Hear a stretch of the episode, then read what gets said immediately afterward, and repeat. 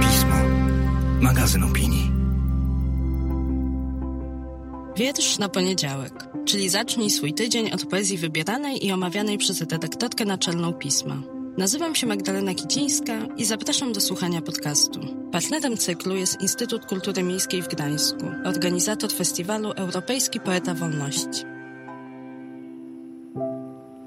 Dzień dobry, dobry wieczór, cześć. Witam Was w kolejnym odcinku podcastu Wiersz na poniedziałek i znów mam okazję przygotować dla Was niespodziankę, to znaczy wizytę, telefoniczną wizytę gościa.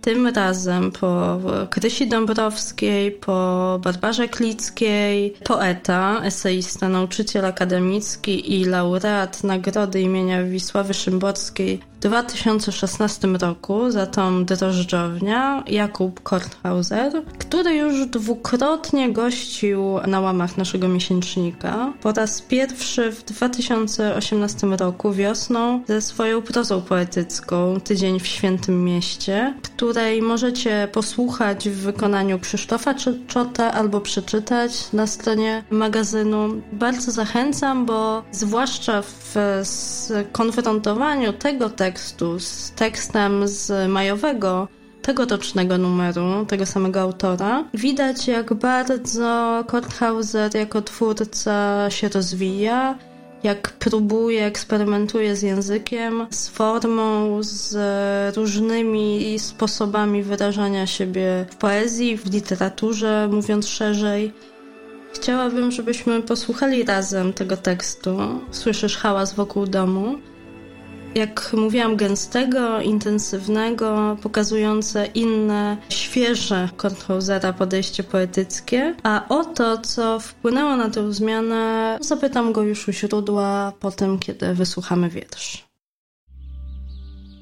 Jakub Kornhauser. Słyszysz hałas wokół domu? Czyta Sławomir Holland. Super nowoczesna latarka wielokilometrowy zasięg, wodoszczelna obudowa. Potrzebujesz mocnej latarki? Świeci na wiele kilometrów stalowa obudowa, nowa generacja. Latarka najnowszej generacji. Świeci na 9 kilometrów, odporna na uderzenia, kurz i wodę. Słyszałeś już o nowych latarkach. Ogromna żywotność, duża jasność, wodoszczelna obudowa – Wystraszy włamywaczy niezwykle wydajna latarka o oślepiającym świetle. Słyszysz hałas wokół domu? Wystrasz włamywaczy specjalną mini latarką. Przeszkadza ci za wczesny zachód słońca? Oświetlaj latarką z mocnym światłem. Opłaca się. Miło mi Cię bardzo słyszeć, tak jak miło mi Cię bardzo gościć w naszych progach, na naszych łamach pisma już drugi raz.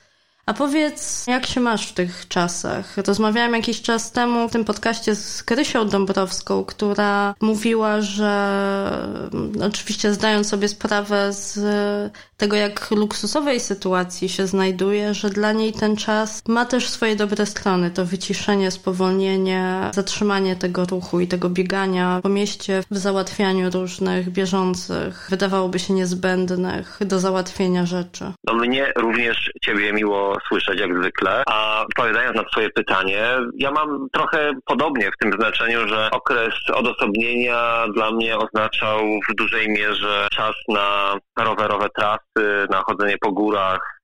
Nie do końca, powiem szczerze, stosowałem się do wezwań o zostawanie w domu i, i chyba większość czasu jednak spędzałem w trasie rowerowej albo na jakichś spacerach. Przejeździłem ponad 2000 kilometrów po Polsce w tym czasie, od połowy marca mniej więcej. Pogoda była akurat dobra na tego rodzaju eskapady. No i miałem zupełnie niebywałą okazję bycia w przyrodzie właściwie w stanie półdzikim, ponieważ nikogo oprócz mnie praktycznie w niektórych miejscach nie było. Nie mówię tylko o lasach, łąkach czy polach, ale też o szosach nawet. Jechałem drogami krajowymi, którymi oprócz mnie nic w ogóle nie jechało. To było zupełnie unikalne wydarzenie i szczerze mówiąc miałem trochę przyjemności z tego zupełnie nieprzyjemnego i nieprzyjemnego przyjaznego czasu. Ta nieprzyjemność i nieprzyjazność oczywiście wiązała się głównie z niemożliwością czy z pewnym strachem przed kontaktem z najbliższymi, z moimi rodzicami, którzy mieszkają w tym samym mieście, dosłownie 15 minut ode mnie.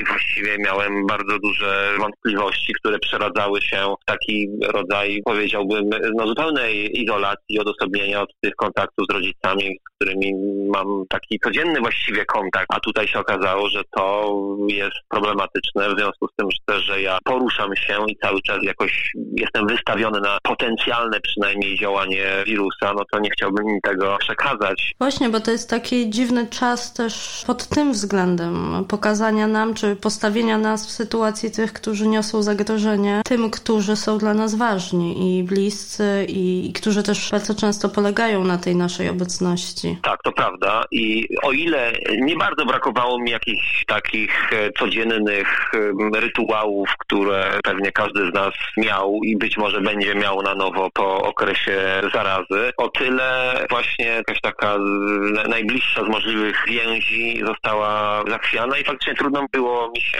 do tego nowego stanu przekonać i jakoś znaleźć się w tej sytuacji. W sumie do dzisiaj, mimo że mamy oznaki pewnego poluzowania, to do dzisiaj trudno mi się jakoś przestawić właśnie, że oto w pełni bezpiecznie mogę się pojawić u rodziców, pogadać z nimi, zjeść z nimi obiad. Wydaje mi się to jakimś takim straszliwym zbytkiem, nadmiarem, właściwie czymś, co stanowi pewien balast dla naszych relacji i, może stanowić również zagrożenie jak najbardziej no, śmiertelne wręcz, prawda? Więc to, to, to jest rzeczywiście problem, z którym przyszło się mierzyć nie tylko oczywiście mnie, ale w dużej części z nas i trudno mi do tej pory jakoś się w tej sytuacji znaleźć. Myślałam o tobie jeszcze zanim zaczęliśmy korespondować w tych dniach, że no ta twoja więź z ojcem jest szczególnie bliska, ważna, intymna i wejście tego dziwnego stanu, tej, nie lubię tego określenia, tej nowej normalności, ale tej na pewno nienormalnej rzeczywistości między was musi być szczególnie obciążające, szczególnie trudne. No to prawda. Myślę, że dobrze rozumiesz ten stan, ale pewnie dużo mm, słuchaczy i czytelników pisma również w podobny sposób coś takiego odczuwa i dodatkowo tak się złożyło, że w ostatnich tygodniach czy miesiącach tata faktycznie w jakiś fatalny sposób miał jakieś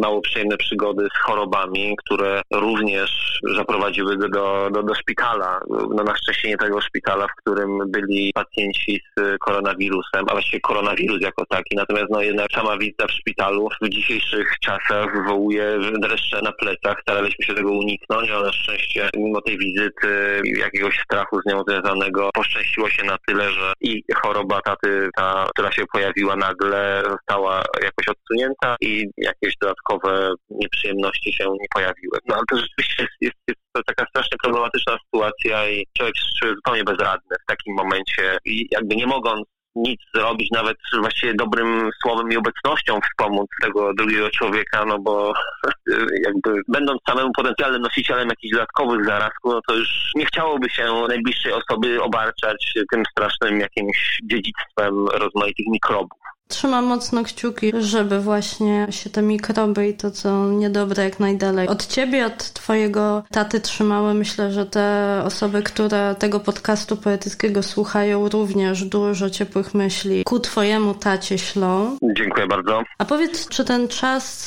coś w tobie twórczo obudził, albo może wręcz przeciwnie zamknął? Czy, czy piszesz, czy, czy czytasz, czy oglądasz? Bo ja muszę przyznać szczerze, na samym początku miałam zupełnie zupełnie odwrotną potrzebę. Właśnie musiałam się odizolować od czytania, od bodźców i dopiero teraz jakoś powoli wracam nie nadrabiałam lektur, które czekały właśnie na taki czas spowolnienia. Wręcz przeciwnie, czyta mi się bardzo wolno, a piszę z ogromnym trudem. No chyba mam podobnie, ale to dla mnie akurat nie jest nic dziwnego. To znaczy w tym znaczeniu, że wszystkie tego typu okresy spowolnienia zawodowego, u mnie te okresy przypadają oczywiście na okres między latami akademickimi, bo jako pracownik uczelni mam trzymiesięczne wakacje właściwie w ciągu każdego roku, które są takim okresem, w którym jestem wybity z takiego normalnego rytmu nauczania, załatwiania. Oczywiście do tego dochodzą wszelkiego rodzaju spotkania autorskie, festiwale, wykłady i tak dalej. No więc jakby przyjąłem tego rodzaju strategię na ten czas pandemii. Mianowicie na tyle się odizolowałem od codziennego rytmu, no że wypadły mi te wszystkie rzeczy, które właśnie w takim codziennym rytmie mi towarzyszą, w tym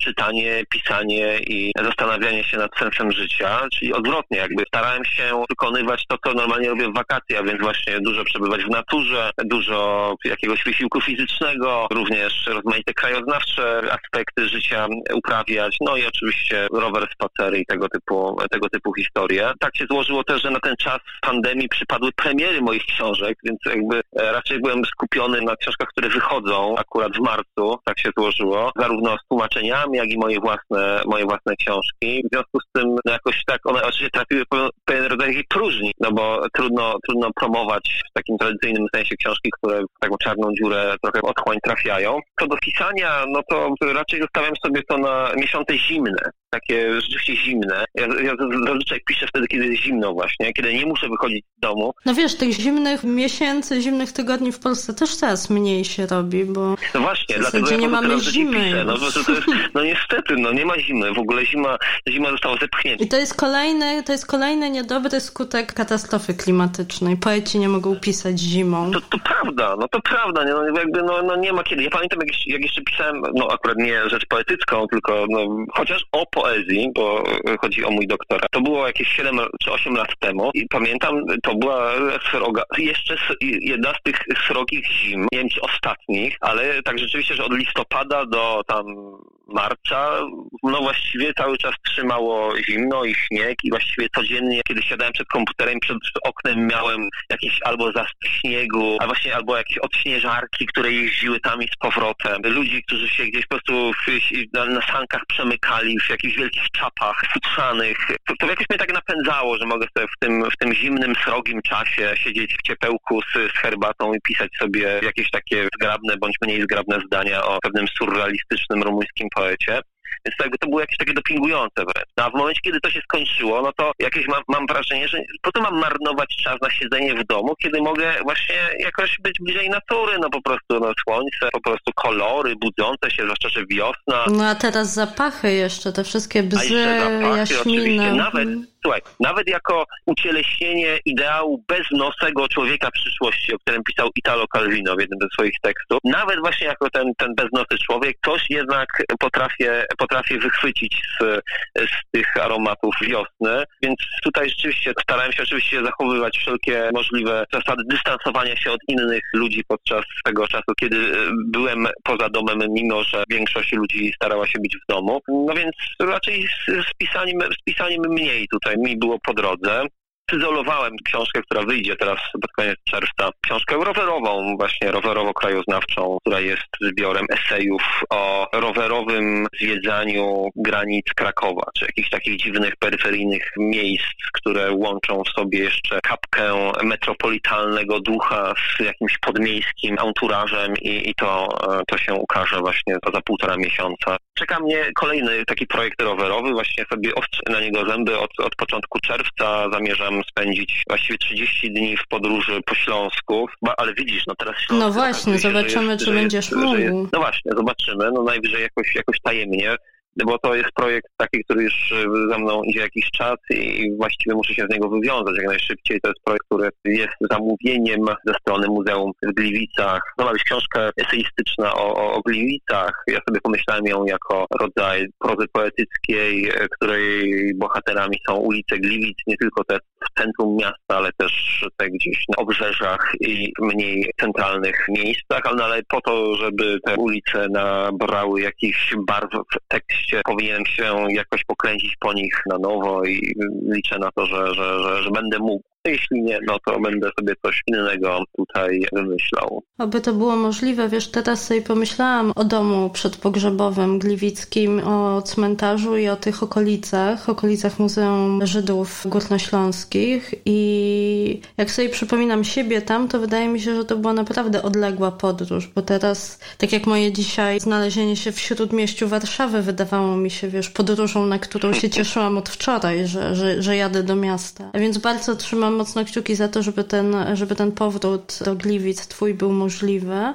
A kiedy mówisz o tych rowerowych tekstach z pogranicza eseju, prozy poetyckiej, gdzieś, gdzieś tam pomiędzy, to ja z kolei przypominam sobie tekst, ten pierwszy, który opublikowałeś u nas w piśmie, bo to też były rowerowe, około wielkanocne impresje. I kiedy go zestawiam z tym tekstem z majowego pisma, no to widzę ogromną różnicę w twoim języku poetyckim i zastanawiam się, czy to jest zwrot na stałe, czy to jest jakaś ewolucja twojego sposobu opisywania czy wyrażania siebie poetycko? Bo ten język dzisiaj, tych tekstów, które, które podesłałeś mi do wyboru, jest bardzo gęsty, bardzo intensywny, bardzo też taki, jeżeli chodzi o rytm, szybki zupełnie, zupełnie inny niż te rowerowe teksty, do których przyzwyczaiłeś wielu czytelników i czytelniczki. To prawda, ale to dla mnie jest y, kolejne wyzwanie. Ja chyba w ten sposób pojmuję też pisanie jako wymyślanie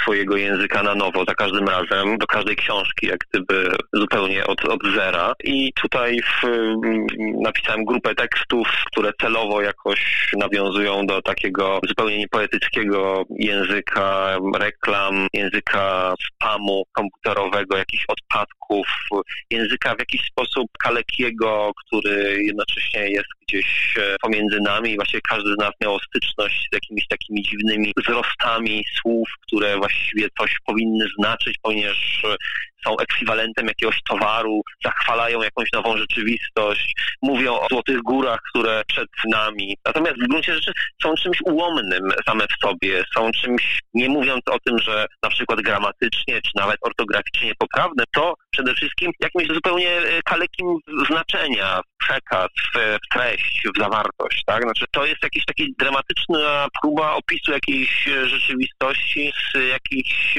wadliwych, wybrakowanych elementów, co oczywiście bardzo mnie frapuje i zawsze mnie frapowało, w jaki sposób taki właśnie niepoetycki język, język codzienny może awansować do roli jakiegoś przedmiotu znacznie bardziej znaczącego. Krzysztof Pomian kiedyś mówił o semioforach, czyli o tych elementach świata utylitarnego, tak, pragmatycznego, praktycznego, które w pewnych momentach awansują właśnie do roli przedmiotów estetycznych. Jest ten moment zupełnie jakby niechciany, w którym coś zwykłego, jakiś przedmiot zupełnie zwyczajny, nagle staje się znaczący. W momencie, kiedy posługujemy się monetami na przykład w wymianie handlowej, tak, porządku ekonomicznym, no one nie są przedmiotem estetycznym. Natomiast w momencie, kiedy one trafiają do gabloty muzealnej jako pamiątka jakiejś odległej przeszłości na przykład, no to stają się chcąc nie chcąc pewnym przedmiotem, który podziwiamy, który oglądamy, który jest włączony z ekonomicznego porządku. No i tak jest też z językiem. Język też jest czymś takim. Tak? Co dzień posługujemy się językiem po, po prostu, żeby wymienić myśli, żeby o czymś opowiedzieć bez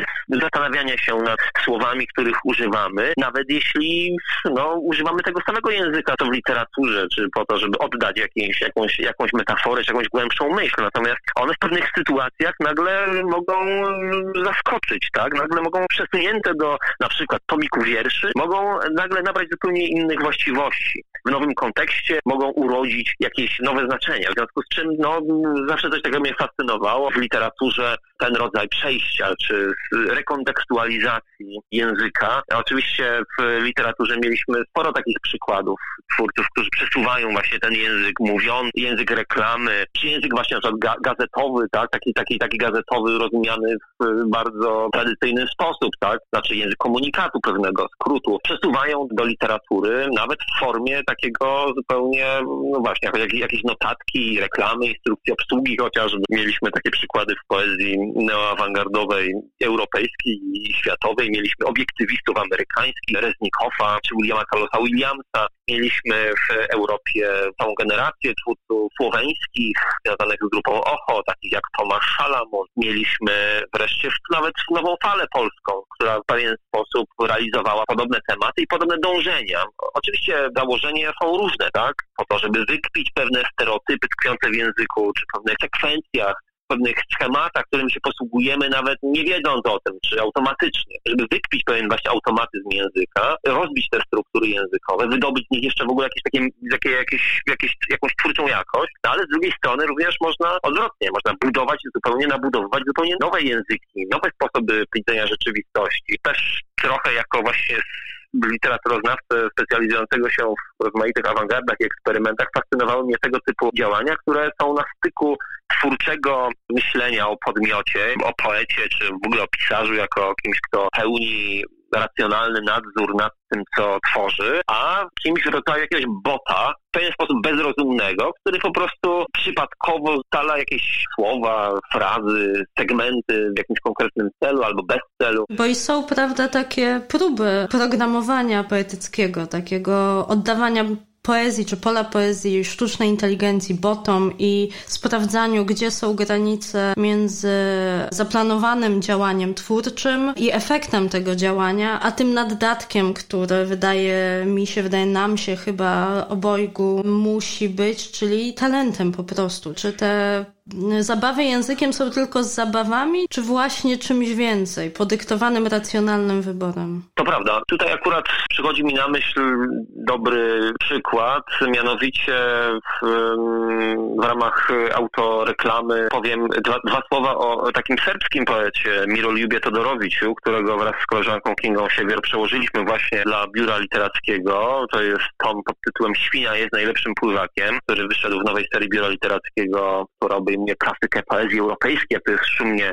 nazwane. Szumnie, ale po części prawdziwie pierwszą pozycją w tej serii był wybór poezji Williama Blake'a. Ale y, ja, myśmy zaproponowali kogoś zupełnie nie klasycznego w tym No znaczeniu. zupełnie od Blake'a na, od, odległego, na innym na lata biegunie. świetlne. To prawda, ale to jed, jednak jest to bardzo, bardzo ważna postać nie tylko dla serbskiej poezji powojennej, Todorowicz, ale dla po prostu dla europejskiej poezji konkretnej, jakiejś poezji awangardowej lat 70. głównie. No i tam są właśnie takie wiersze, które są po pierwsze próbą tworzenia tematów komputerowych po prostu, tak, za pomocą jakichś prostych systemów typu Algol czy innych tego rodzaju programów e, z, z, lat 70. na takich pierwszych komputerach IBM-owskich, więc za pomocą pewnych algorytmów bardzo prostych wpuszczanych w maszynę, maszyna wyplowała jakąś przypadkową sekwencję, na przypadkową aleatoryczną e, sekwencję słów, więc jakby tego rodzaju były to eksperymenty, ale też są tam eksperymenty właśnie takie z tworzeniem wierszy, które są wierszami na przykład naukowymi, jak twierdził Todoro, Todorowicz,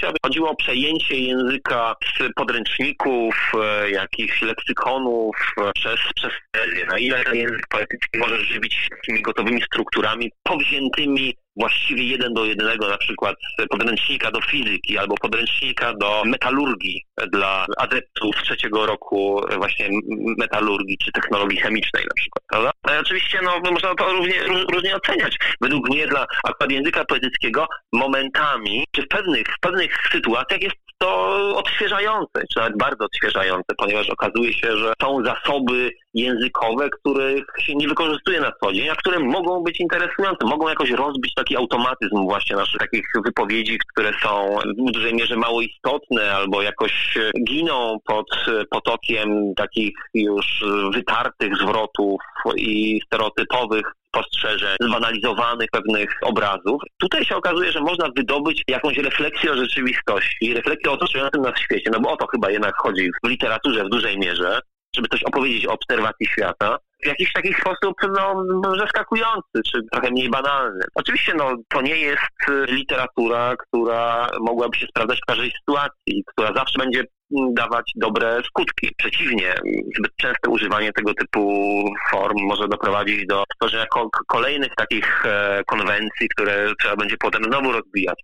Ale mam wrażenie, że akurat w tym przypadku serbskiego poety brzmi to całkiem nieźle, więc chciałem sam spróbować, wracając do twojego pytania, które zadałaś 43 minuty temu przed początkiem mojego słowotoku. Znać tutaj nauczyciela akademickiego po drugiej stronie. Brakuje mi też właśnie takiego kontaktu tutaj ze studentami, znaczy po prostu w ogóle kontaktu z żywym człowiekiem, z którym mogę porozmawiać, dlatego tak, tak ciągnę ten, ten wątek, rzeczywiście chyba też moja próba stworzenia ekwiwalentu w pewien sposób czy może mojej własnej odpowiedzi na tego typu potrzeby języka, poszukiwania formy poetyckiej, nowej formy poetyckiej, e, zapracowała w tych, w tych tekstach, które Ci wysłałem i Państwo mają okazję przeczytać jeden z takich przykładów tego typu wierszy. Czy to oznacza, że kolejna książka będzie w ten sposób wyglądać? Może zupełnie nie, może to są jakieś właśnie zupełnie sonety albo w ogóle, prawda, no, tego rodzaju eksperymenty. Wiesz, to jest tak, że kiedyś sobie powiedziałem, że chcę napisać tomik wierszy. Napisałem ten tomik wierszy. Wydawało mi się, że to właściwie jest już pozamiatane. Potem powiedziałem sobie, że napiszę tomik prozy poetyckiej, który napisałem. Może teraz odwrotnie, że czas na powieść właśnie, jakąś grubą powieść albo, albo jakieś zupełnie inne rzeczy, inną aktywność, może jakieś inne wyzwanie sobie znajdę i będę próbował się w nim odnaleźć. Kiedyś jako kilkulatek miałem takie wyzwanie, żeby ugotować zupę jarzynową i udało mi się to prawie, prawie, prawie, prawie, prawie świetnie świetnie, powiedziałbym nawet. Oprócz tego, że jako kilkulatkowi nie przyszło mi do, głowy, że należy obrać warzywa przed wrzuceniem ich do tej zupy i pamiętam właśnie takie zupełnie e, nie, nieobrane wszystkie te warzywa w jakichś takich skórach. W jakiejś mętnej cieczy. Tak, tak? takiej właśnie zupełnie mętnej cieczy, która nie przypominała tej pięknej, pachnącej zupy, którą moja mama zawsze, zawsze, zawsze robiła. Więc jakby to było rodzaj jednak pewnej takiej dewaluacji moich y, pragnień i marzeń. Więc mam nadzieję, że nie stanie się tak z tymi planami literackimi i będzie, będą one trochę, trochę, trochę mniej mętne. Mniej mętne. czego, cze, czego ci życzę, słuchaj, i, i bardzo. bardzo ci dziękuję za tą rozmowę. Dziękuję tobie również i pozdrawiam wszystkich czytelników i słuchaczy.